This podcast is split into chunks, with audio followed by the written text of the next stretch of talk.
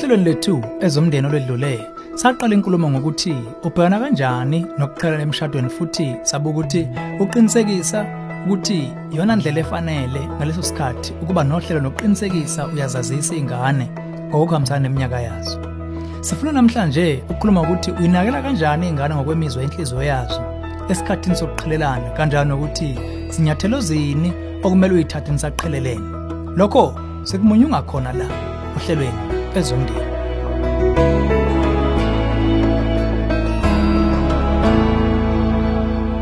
kwakuhle uba ngiphinde ngibingelele mlaleli wami.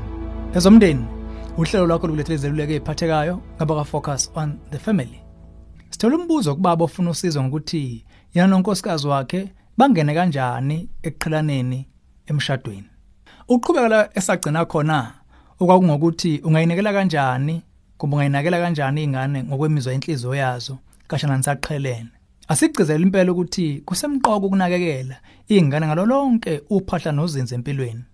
Kudluza eminye iminyakazo yabo yamasonto onke njengendlela yokwehlisa ingcindezi kubo. Vamise ukubabheka ze ubone lesimo ababhekene kanjani naso.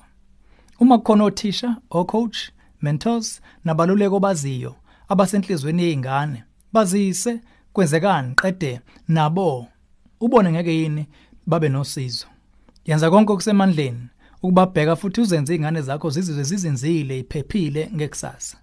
Khona lapho sikhuthaza ugcina izingane zakho ekhaya okungcono.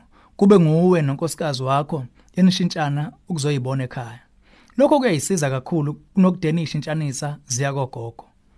Lokhu liqiniso impela kakhulukazi uma nobabili nisayisebenza ekulungiseni isimo senu ngesikhathi nisaqhelelene okwesikhashana enesikalile. Uma kungukuthi omunye kini unohlukumezo kungcono angasondele einganeni kuze kube senilungise konke. Ngoba kungenjalo ukudlala umagendane nje inteniza endlini einganeni lokhu kuzongeza ukudideka kuze izingane khona manjalo ungayeke uyinakela uzakhe nawe iqobo ze ube namandla ukuya phambili. Umsebenzi wakho semqoka njengamanje ukwazi ukutholakala einganeni zakho ngokwenhliziyo nengqondo nokomoya.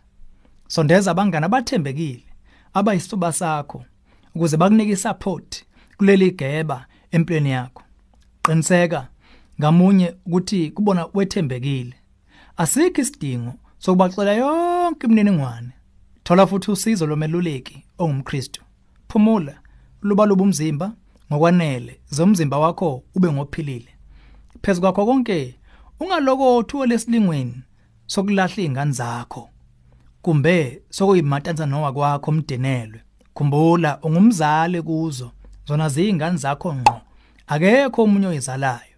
Ziyakudinga ume nazo uqinile kuze kube siyedlula lesiphepho yikuphi okunempilo ngokwesikhathi osebenzisana indawonye nangendlela yokuxhumana ngazo ngokwalesikhathi?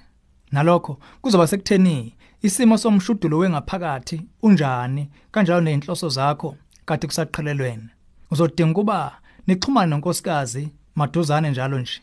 Malana nezidingo zeingane nezekhaya. Okuningi kwalokhu kungenziwa ngama SMS nokubhalelana okwehlukehlukene kodwa uma kuukuthi sewuvele uyalihamba ululeko esikole uzokwenza njalo. Umeluleki wakho uyokunika ama homework ayodinga nibuye nibonane nowakwakho ngezikhathi ezithile sikhuthaza nibona endaweni enikhululayo kodwa ibe sekuvulekeleni ekubonweni ngabanye abantu. Kungaba i-restaurant njalo njalo. La khona ningeke nilingeke ukunyusa amazwi nokucasukelana kwazisa phela kusekhona igwebu. La kwa focus on the family sineyisebenza eziqeqeshiwe engabaluleki ezekulungele ukuletha ululeko olunomsoco nokukusiza ngokuphathekayo ngocingo. Zingaphinde zikuxhumanise nomeluleki omkantshubomvu kwezomshado ongaseduze nawe. Sicela ungene ku safamily.co.za bese uthi cofo ku counseling link. Owethu umthandazo. Ukuthi wena nowakwakho nikwazi ukusenza lezi zimo emshadweni wenu qede niphume niphethe ningabanqobile. Lolu hlelo ezomndeni ulethulelwe yifocus on the family sihlangabezwa hlelo luzayo sisihlabelisa phambili umndeni